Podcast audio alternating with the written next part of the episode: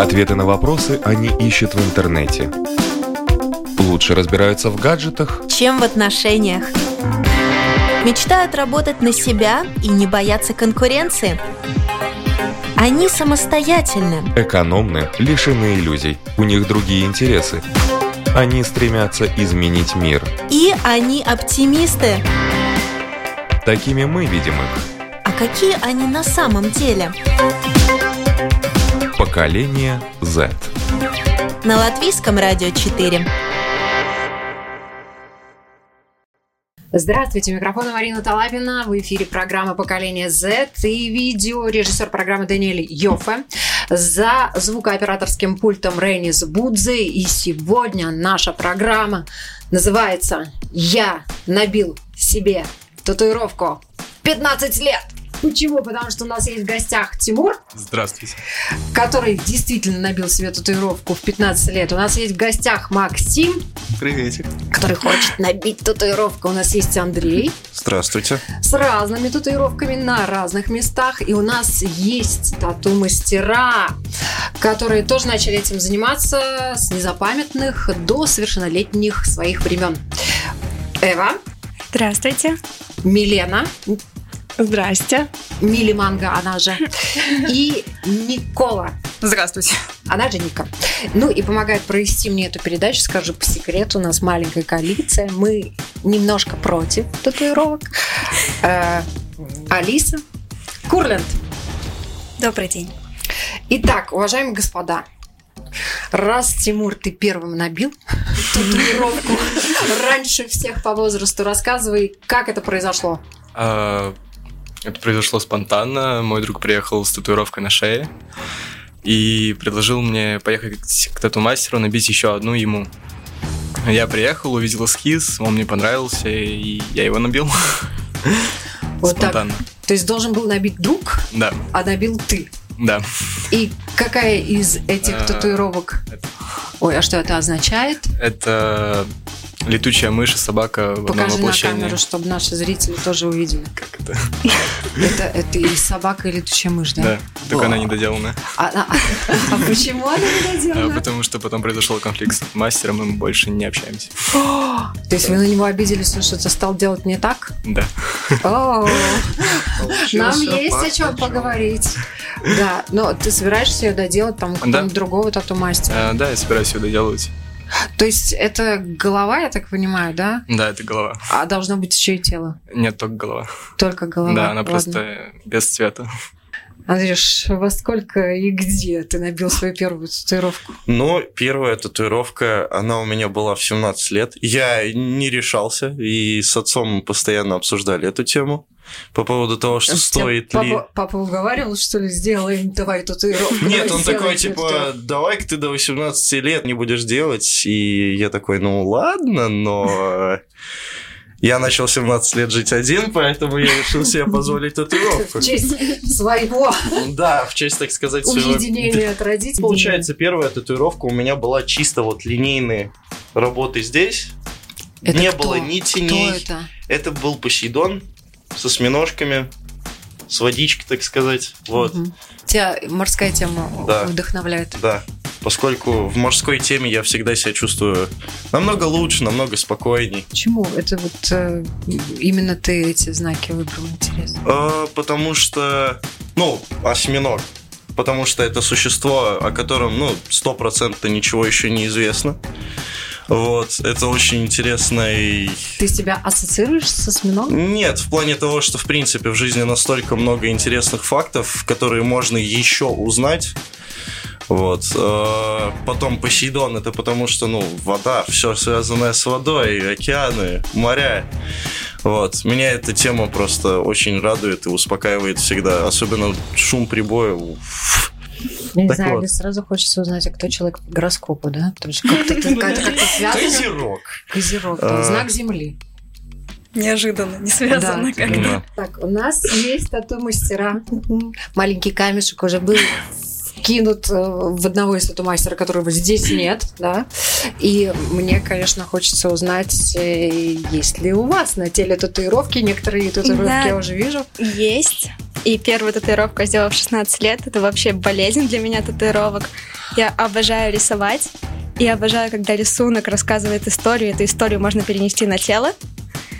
Если показать татуировки, то у меня есть татуировка на руке. Эта татуировка для меня много значит. В ней девушка рисует. У нее есть руки в виде крыла. Это крыло говорит то, что она взлетает от того, что она делает.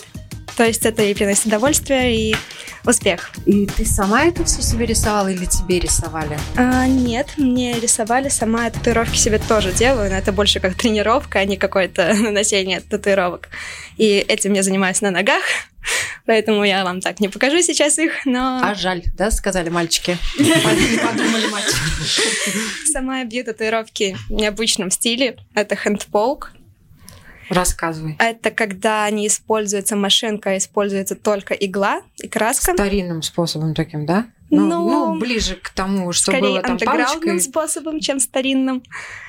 Да, история там идет далеко из вообще племен в Африке. Но, да. Да, но сейчас этим занимаются очень много людей, и это популярно становится. Это татуировка, которую делает человек сам, вручную, концентрируясь на каждой точке в линии. Так что, да, это очень интересно, и мне это очень нравится. Если у вас есть вопросы, можете задавать. Милена. Здравствуйте. Есть ли у тебя татуировки? Ну, вот на данный момент у меня вот эта вот татуировка специально для... В честь для... программы. Да, в честь программы. Z. Да. А настоящих татуировок у меня на данный момент нету. Объясню почему. Это достаточно странно для татуировщика. Есть такой стереотип, что у татуировщика должны быть татуировки, потому что, ну, странно, когда сапожник без сапог. Но, тем не менее, мне хочется сделать что-то объемное себе, и но для этого нужно время, и для этого нужно мастера какого-то прям вот очень крутого, потому что это на всю жизнь. Ну, сама я татуирую уже... Ну, что касается хны, я уже татуирую более 12 лет. Вот. И в процессе я начала очень много путешествовать, и тогда еще не был так развит интернет. И я начала видеть людей, вот именно живые татуировки. И я тогда увидела это, вау, что-то такое, там цветное, там эти лотосы или еще что-то. Вот. И я поняла, что хочу этим заниматься. Вот. И начала тоже этим заниматься. Никола. Ну, на моем теле уже есть татуировки. 16 лет. Было это достаточно спонтанно для меня, потому что я не планировала сначала в 16 лет бить татуировки, думала, до 18 подожду, а тут мой родной папа сказал, не хочешь ли ты себе татуировку, дочка? Вот, родитель постарался. И я такая подумала, решила, что да, я хочу себе татуировку. И первая моя татуировка была роза на этом месте. Покажи на камеру. Угу. Вот. Да. Делали а... мне ее два часа достаточно быстро и знакомый татуировщик. А затем Вопрос сразу, у папы есть татуировки? Папа теперь полностью обколот татуировками. У него уже есть рукав и почти уже полностью нога забита. Да. А... Часть татуировок, я так понимаю, дочь сделала. Да, да ну большую часть уже. А пришла к татуировкам я уже, можно сказать, это с четырех лет уже начала зарождаться потому что я видела, как моим родителям били татуировки. На дому, конечно же, это только начиналась вся индустрия в Латвии. И я игралась на полу и смотрела, как рисуют на моих родителях. И мне это так понравилось, так в душу запало. Но с тем фактом, что я, в принципе, люблю рисовать, я закончила художественную школу, э, я решила для себя в 17 лет, что я пойду в любом случае и стану татуировщиком. Вот такие вот интересные истории нам рассказали, Алиса. Не хочешь ли ты себе на своем чистом белом теле наколоть какой-нибудь иероглиф или не иероглиф, или какой-нибудь рисунок? Честно говоря, абсолютно не тянет. Почему? И... Ну, в первую очередь, мне кажется, что у тебя должен быть тогда какой-то очень глубокий посыл действительно какой-то глубокий посыл, чтобы что-то такое отобразить на своем теле, потому что оно, ну, реально на всю жизнь. Это не сойдет так просто, как хна или что-то подобное. А у меня, наверное, нет такого посыла, который бы я хотела оставить на всю жизнь. Потому что время меняется, я меняюсь. И чего-то одного. В память да. о ком-нибудь Вот так набьешь в память о ком-нибудь, он уйдет, а потом... Ну не, Там пам- расстраивайся. О чем-нибудь. Действительно, значение тех рисунков, которые уже есть на вашем теле. Ну, у меня все татуировки набиты со смыслом. А сам я тоже не вижу смысла набивать татуировок, не, не внеся в нее что-то, потому что со временем вкус меняется, и татуировки могут разнравиться. Самая яркая татуировка у кого? Я знаю у Я кого. думаю, тут все черно-белые. Нет, нет, мы Я вас видели. разочарую. Да. Очень сильно. Да, это, скорее всего, у меня. Да. Да. Татуировки на ноге, и они обе цветные. То, что у тебя на руке. Скалопендра. Скалопендра. Зачем она тебе А. на руке? Но она символизирует э, то, что тебе все равно на мнение общества в плане... Не знаю, как это объяснить правильно. На какие-нибудь формальности, типа, типа рукопожатий. э, Нет, ну скорее есть люди, которые тебе будут говорить в жизни, там, не делай то, не делай все, тебе не получится и так далее. Это им скалопендра. Да. Ну, Ну, типа, Я заползу в твою жизнь.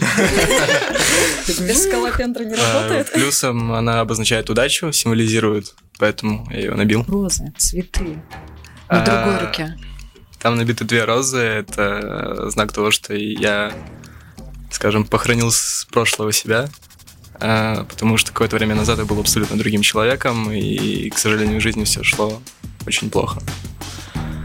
Вот. Но ты видишь эти розы, и они тебе напоминают о том, что ты похоронил себя. Ну, в плане, наверное, характера, Мгм. как человека. То есть все, я изменился. Да, Раз, два. Я изменился. Да? ну да. Интересно. А сколько тебе было лет, когда ты набил эти розы? А, 16. А ты планируешь, хочется еще А, что-то? планирую... ну, Планирую набивать татуировки, но пока что нет возможности. Финансовых? Да. Ага.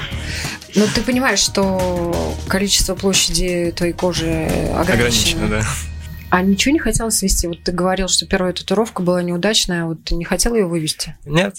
Нет? Я в нее тоже... Ну, там как э, символизируют два моих любимых животных. Это летучая мышь и собака. Я с самого детства люби- любил летучих мышей и собаку.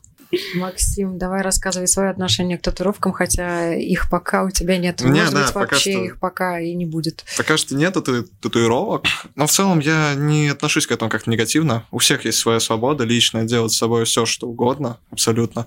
А, они часто очень красивые, иногда мне не нравятся, но кто я, чтобы судить. А сам я не набиваю татуировки, потому что заходишь одну, а потом такой, да не, может ту все же, другую. Очень сложно определиться. Практически невозможно. Интересно спросить мастеров, потому что, насколько я знаю, мастера любят, когда к ним приходят клиенты и знают, чего хотят. Но в то же время они хотят, чтобы им немножечко оставляли свободы.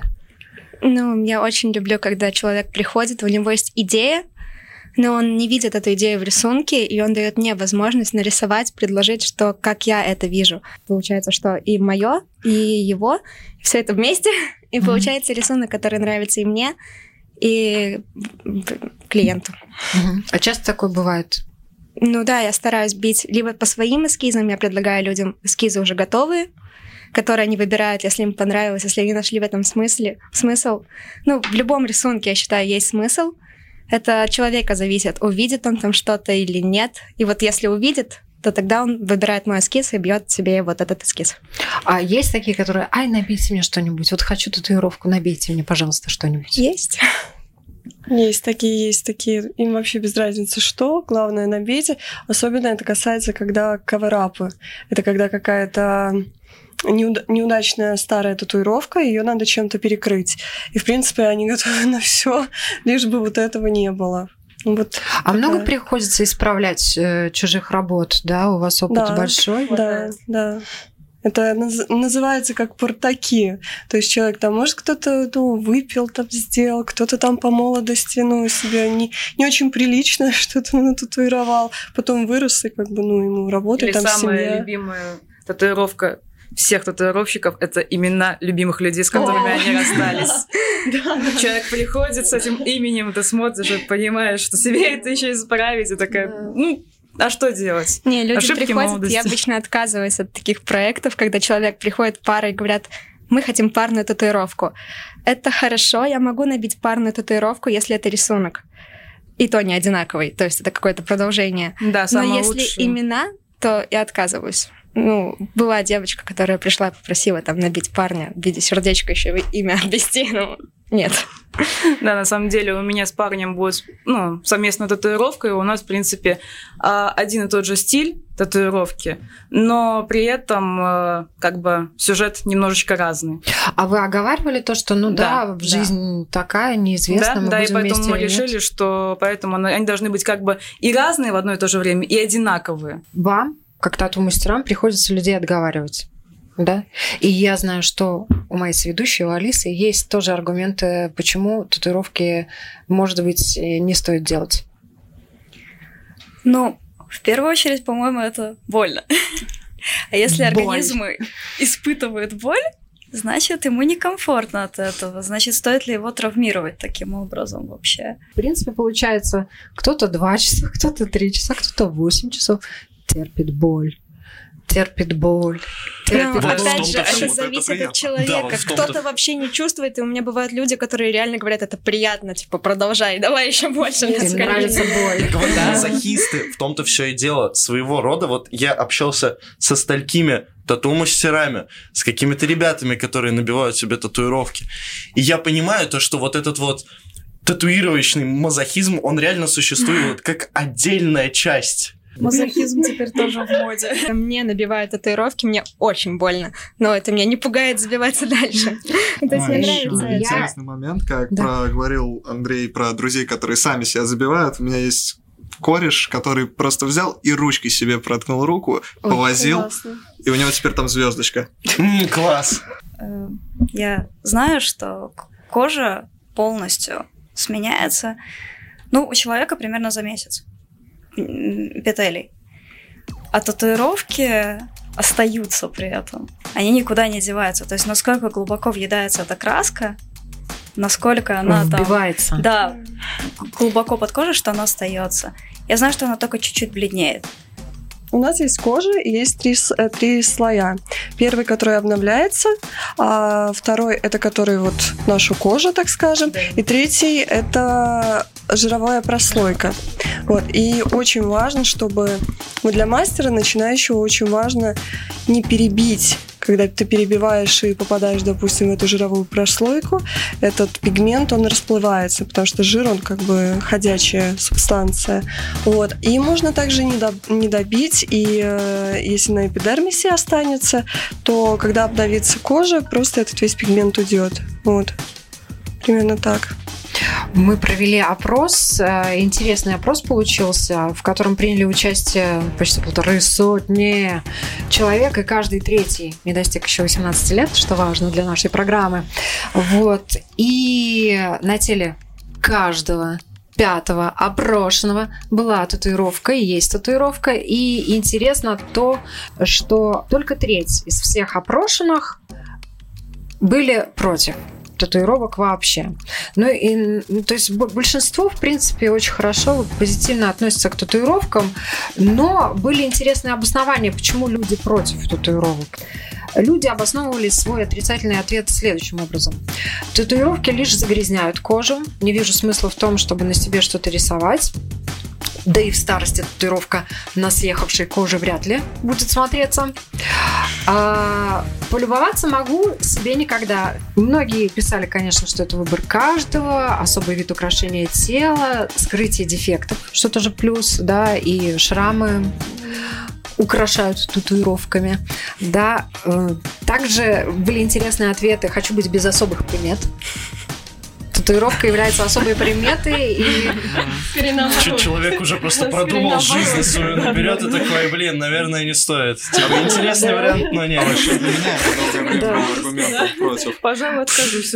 Есть еще такой э, аргумент риск испортить свое тело. Вот такие были интересные комментарии. Э, Но на самом деле вот как раз э, некоторые психологи рекомендуют делать татуировки на невидных для себя местах, потому что они со временем надоедают. Так ли это? Мне сама татуировка, она не надоедает, но мне надоедает то, что у меня есть пустые места. Мне хочется продолжить. Больше это раздражает. Да, больше, Чисто. да, у меня, у меня действительно, у меня уже готово три эскиза, у меня уже готово три эскиза на новые татуировки. И я жду просто времени, когда мне придет зарплата.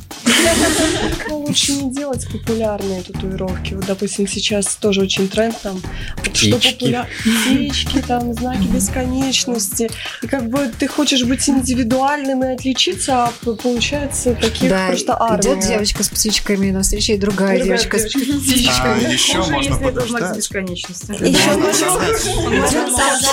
Ладно, же не мода, с каждым годом еще и инновации приходят. Например, недавно появляются светящиеся в темноте татуировки. Это пока что не безопасно абсолютно. А уже ушло это, и это небезопасно.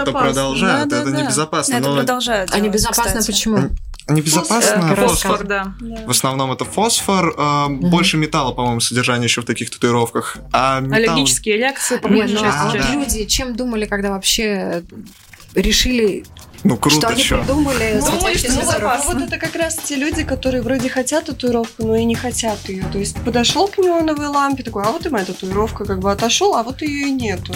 По сути, она даже так и не работает. Она когда заживает ее, там она там кусками. Вот еще один аргумент – риск заражения вирусными заболеваниями, гепатитом, ВИЧ и так далее. Ну, если вы пойдете к какому-нибудь татуировщику, который бьет, там, не знаю, у себя дома или еще хуже в подвале, За водку. да, за водку или за банку пива, конечно, тогда у вас будет там весь букет. А если вы пойдете в салон, где дезинфицируют специальными средствами, э, маш- э, машинки, гриппы и все остальное, при том же их сухожарят при определенных градусах и используют только все одноразовое, то у вас ничего не будет. А Я немножко не соглашусь э, с, этим те- стереотипом, то, что татуировки на дому, это, это как будто, я не знаю, Вася такой, не знаю, в трениках пришел, что-то там надел. Да, потому что я, допустим, бью э, на дому, то есть стерилизация это номер один. Сейчас очень много выпущено э, тех же гриппов, они одноразовые, ты просто выбрасываешь, тебе не надо их стерилизовать. Но действительно, в татуировке, я считаю, даже если ты некрасиво бьешь, но чисто, хотя бы чисто. Не очень получится проверять людей, которые работают на дому, потому что это нужно выявлять, это сложнее. Тату-салон прийти и проверить гораздо проще, но тем не менее Минздрав изменил работу мастеров тату и пирсинга. Это буквально новость свежая э, появилась, чтобы снизить риск заболевания инфекционными болезнями, особенно вирусом гепатита Б и С, связанные с инвазивными услугами в сфере красоты. Вот Министерство здравоохранения э, требует ввести способствующие более безопасному нанесению татуировок и пирсинга условия. Когда приходили к мастерам, вы спрашивали у них там сертификаты, А, нет, я не спрашивал. Но у вас меня, условия но у меня все татуировки, которые есть, они набиты на дому. На дому. Да, все полностью. Ну, ты знаешь этих мастеров, как Да, ты им я- доверился? Учитывая, что одну э, татуировку, как ты сам рассказал, вы Да. поссорились с мастером. А, это вот единственная татуировка, и все остальные мне набивал мой мастер, другой уже. А, но я ему полностью доверял, потому что это, получается, брат моего хорошего друга, и я знал то, что у него все стерильное, он все при мне делал. Стерилизовал ты имеешь Да. Мгм. Андрей, ты свои татуировки делал в салоне или на А, На дому. дому? На дому. Да. Получается, сначала это была основа этой татуировки, потом я понял то, что она криво сделана, и пошел к своему знакомому, который набивает тоже хеден полком. Вот. Э, Мы с ним, получается, познакомились, когда снимались в одном клипе, и вышло так, что он такой, да, давайте я сделаю коррекцию, попробуем что-нибудь изменить, чтобы она начала выглядеть получше. Ты у этого мастера спрашивал, а насколько у тебя все стерильно? А, Я ему доверял сразу же, потому что мы с ним общали, А общались какое-то... проверяй. Ну, доверяй, доверяй, но проверяй, тогда ты будешь жить дома и нифига не делать. Простите Нет, меня. почему? Пришел в салон, да, пришел к девочкам, они а тебе сертификат показали. А А откуда... сертификат тоже. М, Это, Не это, это, это может быть распечатанная красивая бумажечка, как бы.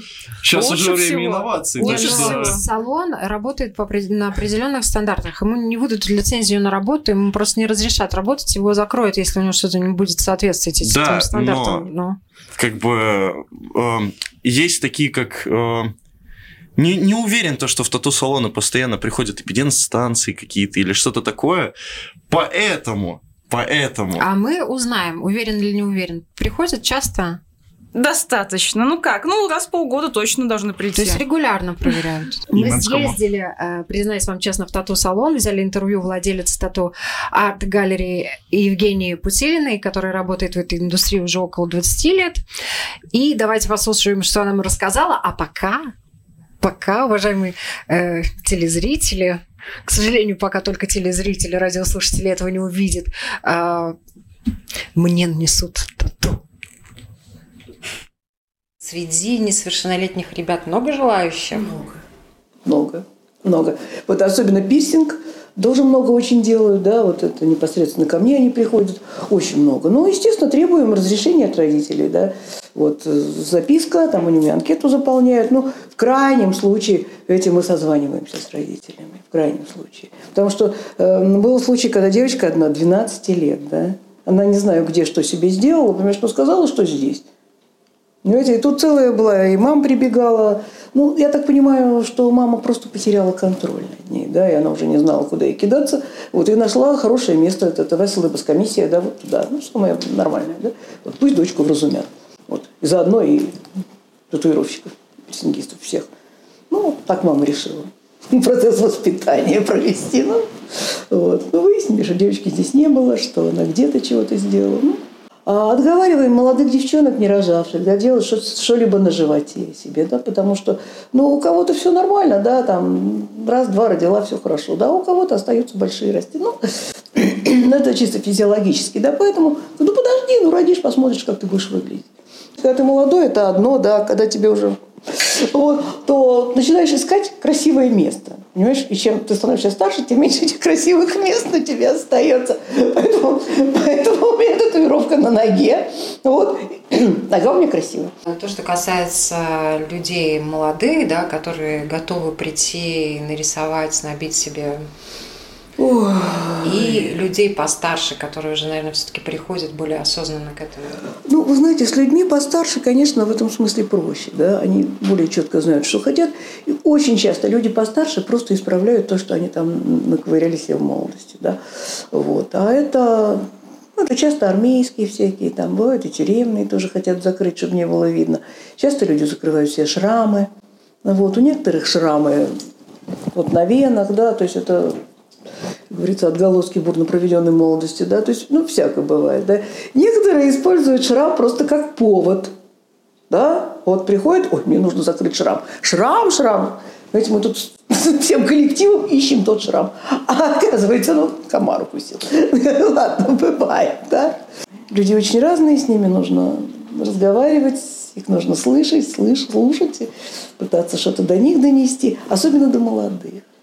Особенно до молодых, потому что они иногда приходят с такими идеями, да, ну, ну, понимаете, ну вот как ты с этим будешь жить потом, да? А?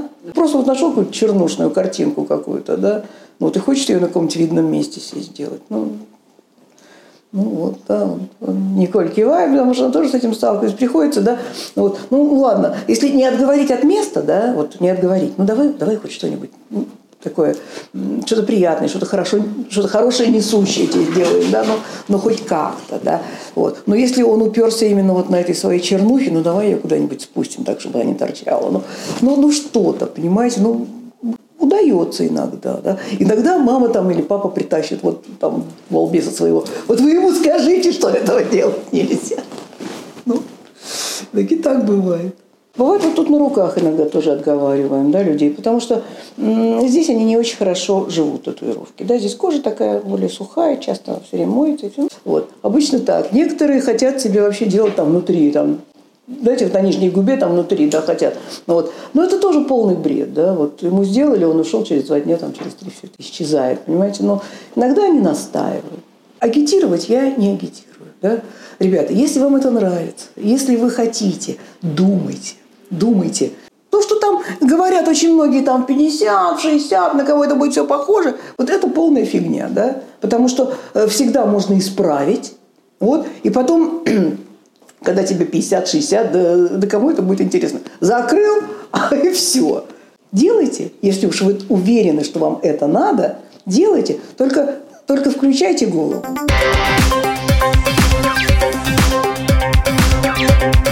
Поколение Z. И снова здравствуйте. В эфире программа «Поколение Z». Пока шло интервью, мне сделали татуировочку. Татуировочку хной, очень красивую. Мы разговаривали с Миленой. Э, также есть некоторые факторы, и которые надо учитывать. Э, то, что касается безопасности нанесения тату. Угу. А, во-первых, вы когда приходите, вы уже видите, чистый ли пол, чистые ли полки. Если там пыль, ну, скорее всего, она там давно. Вот, во-первых, это. А дальше, все поверхности, они обматываются пищевой пленкой. То есть это одноразовое вообще такое мероприятие. Пришел клиент, он, допустим, либо лег, либо там руку положил, это потом все сворачивается, выкидывается, и потом все это дезинфицируется. Дальше насчет расходников, чего очень многие боятся, то что а вдруг мне там а, второй раз иглой там то же самое сделают. Есть а, упакованные как иглы, так так и одноразовые держаки. И вот а, я всегда, ну вот, приготавливаю место рабочее перед тем, как клиент придет, а вот уже э, саму машинку собираю при клиенте, чтобы он доверял, он видел то, что вот я открыла иголку, вставила, я открыла этот держак, тоже положила, и он знает, что... И, или краску я тоже при нем налила. То есть вот это, это гарантия. Береженого Бог бережет. И а, то, что касается татуировок, вот то, что а, татуировки различные религии все-таки осуждают. Как вы к этому относитесь? ну, люди религиозные могут себе не набивать, но на других людей они повлиять особо не могут. А еще есть государства, у которых, допустим, Китай, у них запрещены изображения черепов. И я не знаю, что со мной сделают, если я с татуировкой черепа на кисти приеду в Китай. В том числе дело, в принципе, в некоторых странах есть определенные татуировки, которые, в принципе, запрещены. Если у вас на теле татуировка, да, в Японии вы не попадете в общественные бассейны, в бани, горячие источники, да. да. да, Все да, да, да. просто для вас. Везде, где... Да. Там даже есть специальное обозначение, да, что да. с татуировками Но заходить они могут нельзя. заклеить пла- а, пластырем это. Ну, если она маленькая, если рукав, то я не знаю. Рассказывали, что если человек а, а, замечен с татуировкой в гостинице, из гостиницы его попро- попросят выселиться. Да. Есть такое. В Японии? В Японии. В Великобритании, кстати, год назад была интересная ситуация. 40-летнего мужчину с большим количеством татуировок э, отказались э, пускать. Куда бы вы думали? В бассейн. Магазин. Макдональдс? В респектабельный паб.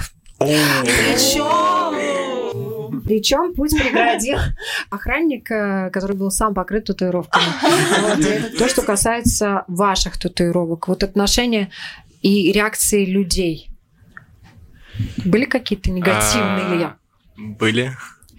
На меня, к примеру, когда я набил татуировку на кисти, на меня начали очень, э, так сказать, добрым взглядом смотреть люди в автобусах.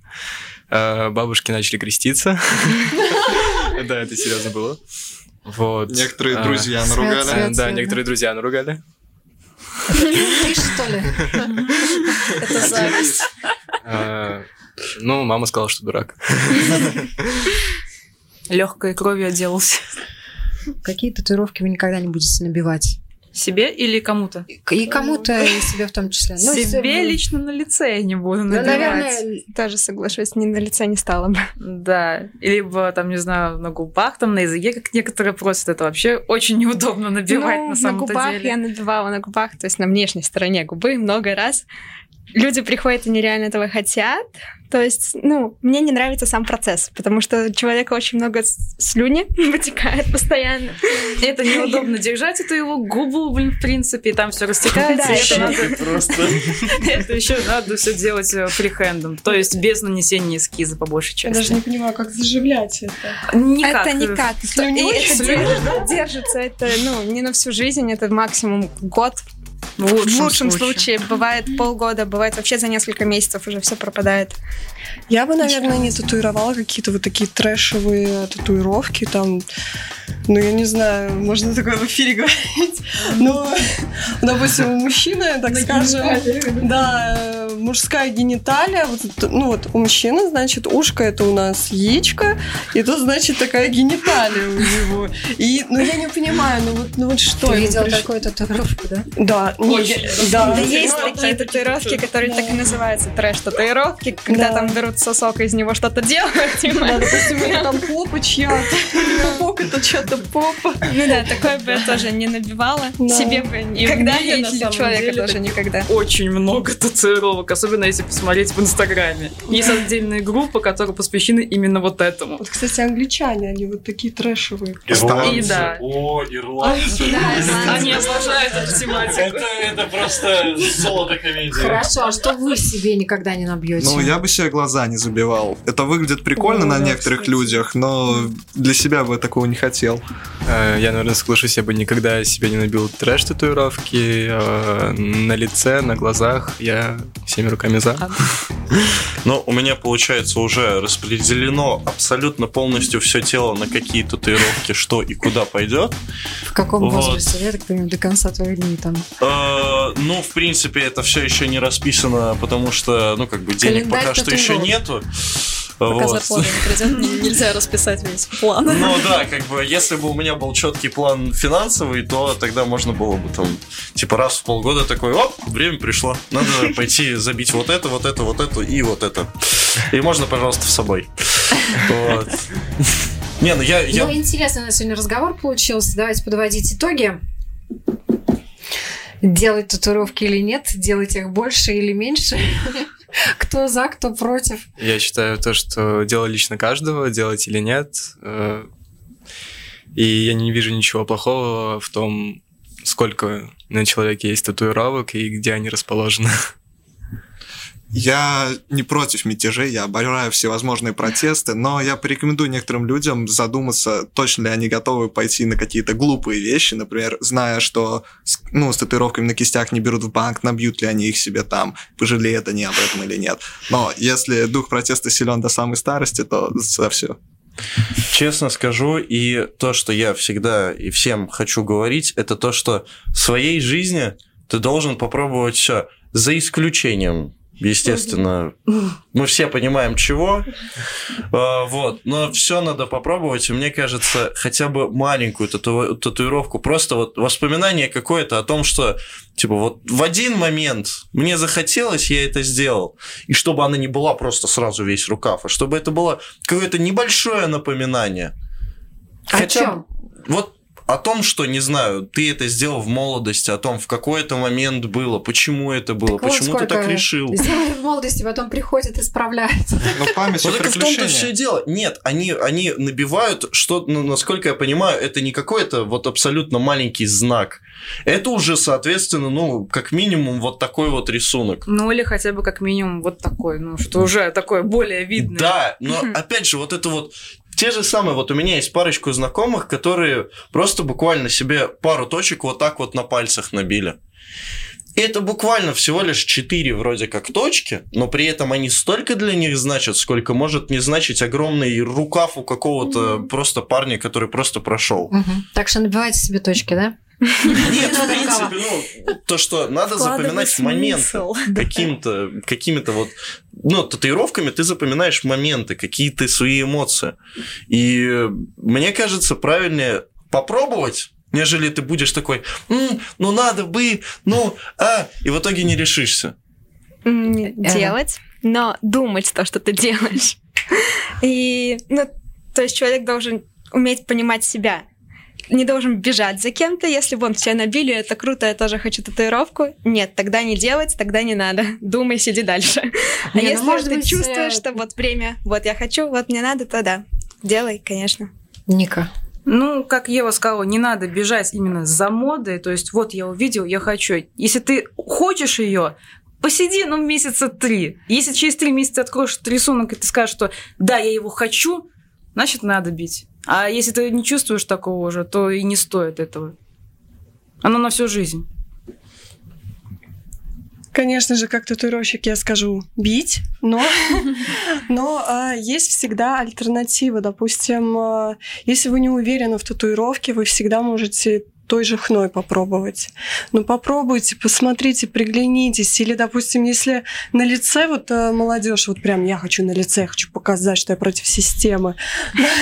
Ну, возьми хной сделай, возьми ручкой сделай, походи, потому что тебе надоест это сто процентов. Ну, то есть даже макияж надоедает, тебе хочется то стрелки, то там ничего, то еще что-то, а татуировка это же вообще. Вот, и выбирайте хороших тату-мастеров, то есть э, смотрите даже не на фотографии, а на видео, видео-тату, потому что фотографии, они фотошопятся, и вам кажется, вау, просто это как фотография, да, ну вот реальная. А в реальности бывает все иначе. И тоже совет, допустим, парням, если вы хотите делать рукава, а, с точки зрения композиции, а лучше всего это делать а, сразу у одного мастера и одна идея. Потому что иначе это такой эффект холодильника с магнитиками. Типа, а тут я был в Турции, а тут я, короче, пил там с друзьями, а тут мы там в лесу шашлыки жарили. Ну, как-то вот так Ну, вот. есть такой стиль, то есть, когда человек забивает разные татуировки, и это считается для него Ну, красиво. Ну, не, ну, конечно, ну, для кого-то я и говорю, и это красиво, то, что там на лице там татуируют. Ну, это я чисто так. Ну, почему-то мне кажется, это более со вкусом, потому что человек вырастает, и он все равно более консервативным становится, потому что дети, семья, и когда у тебя там, я не знаю, там написано там «пошел ты», то как-то, ну, и приходишь там ну, разговаривать с людьми серьезно, ну, невозможно серьезно воспринимать. Как-то так. Алис, хочется услышать и твое мнение. Ну, мне до сих пор не захотелось набить татуировку. А, не переубедили пока. Никто не пытался.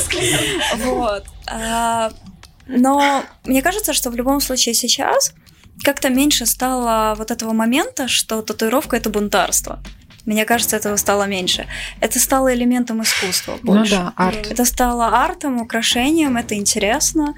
Я видела огромные совершенно фантастические выставки, где люди демонстрируют именно татуировки как часть искусства. И смотреть мне нравится. Бить, наверное, нет. Ну и- Все-таки это не до конца кажется мне безопасным. Все-таки пока существует риск. Я к такому не готова, но и опять же, не каждый человек способен вытерпеть ту боль даже от точки. Ну, маленькая может. Ну и в защиту тех, кто не хочет делать татуировки, или все нормально, набиваем хной. и. Всем хорошего дня.